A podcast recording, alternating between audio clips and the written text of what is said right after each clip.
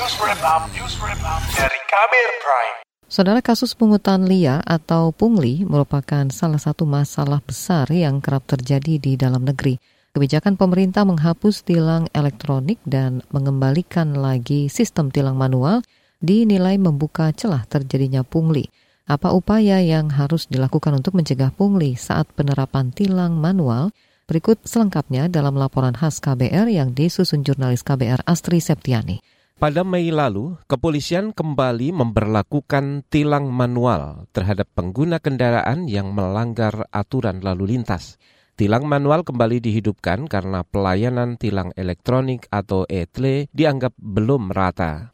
Juru bicara Mabes Polri Sandi Nugroho mengatakan, petugas hanya akan menindak pengguna jalan yang melanggar aturan di lokasi dan bukan dengan cara razia. Uh, tentang tilang manual, memang uh, sudah ada surat dari Bapak Kakor Lantas untuk diterapkan kembali atas uh, hasil evaluasi uh, beberapa waktu yang lalu, mengingat uh, tidak semua daerah itu sudah tercover dengan iklim. Kemudian ada beberapa kejadian yang menimpa masyarakat khususnya masalah kecelakaan lalu lintas terjadi uh, karena melanggar peraturan lalu lintas yang tidak tercover tadi. Juru bicara Mabes Polri Sandi Nugroho juga memastikan jika petugas melakukan penyimpangan seperti melakukan pungutan liar atau pungli, maka akan ditindak tegas. Petugas tilang yang melanggar aturan akan dijatuhi hukuman mulai dari penegakan disiplin, kode etik hingga pidana. Ia memastikan tilang manual hanya dapat dilakukan oleh petugas yang memiliki surat tugas dan bersertifikasi.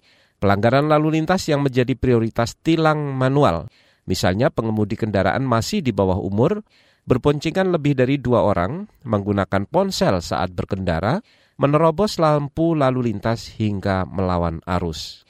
Komisi Hukum DPR meminta agar pimpinan Polri menyiapkan sanksi tegas kepada aparat yang terlibat melakukan pungli pada tilang manual. Anggota Komisi Hukum DPR Santoso mengatakan, tilang elektronik atau ETLE sebetulnya efektif menekan angka pungli. Namun penerapannya terkendala anggaran yang minim dan infrastruktur belum merata. Jika tilang manual kembali diberlakukan, Santoso meminta Polri bertindak tegas terhadap anggota yang melakukan penyelewengan jabatan atau melakukan pungli kepada masyarakat. Kalaupun dilakukan jangan sampai terjadi penyalahgunaan dan jika itu disalahgunakan maka pimpinan Polri harus tegas bertindak agar tidak ada penyimpangan-penyimpangan lagi di lapangan oleh aparat-aparatnya. Jangan lagi ada suap oleh pengguna jalan yang melakukan pelanggaran kepada petugas di lapangan. Dan jika itu terjadi, ya harus diberikan sanksi yang keras, yang berat bagi aparat di lapangan agar tidak mengulangi perbuatannya lagi. Anggota Komisi Bidang Hukum DPR Santoso juga meminta masyarakat ikut berperan aktif menekan kasus pungli, antara lain dengan bersikap bijak dan cermat dalam berkendara. Sementara itu, pengamat kepolisian dari Institute for Security and Strategic Studies atau ISIS, e Khairul Fahmi menyarankan pimpinan Polri lebih fokus meningkatkan profesionalisme anggotanya, supaya tidak lagi ada anggota polisi yang melakukan pungli saat menilang pengendara kendaraan bermotor. Fahmi mengatakan bagaimanapun pungli akan tetap muncul apabila belum ada rasa profesionalisme dalam diri anggota saat bertugas. Fahmi mengatakan tilang elektronik sebetulnya cukup efektif dalam menindak para pelanggar lalu lintas.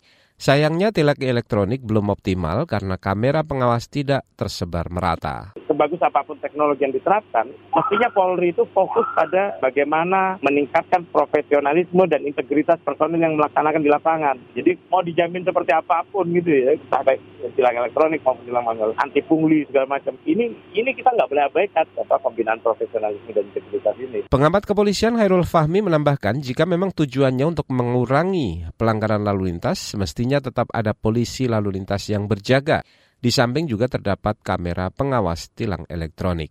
Sementara itu, Lembaga Pemantau Korupsi ICW menyebut praktek pungutan liar atau pungli termasuk salah satu praktek yang berkontribusi besar dalam pidana korupsi di tanah air. Peneliti ICW Lalola Esther mengatakan selama tahun lalu, praktik korupsi menyebabkan kerugian negara lebih dari 48 triliun rupiah. Lalu untuk eh, jumlah kerugian negara di tahun 2022 itu sebesar 48,8 triliun rupiah dengan jumlah nilai suap, gratifikasi, dan pemerasan serta pungli sebesar 376,7 miliar rupiah. Peneliti ICW Lalula Laister menambahkan para terdakwa korupsi sampai saat ini belum mendapatkan sanksi dan hukuman secara maksimal.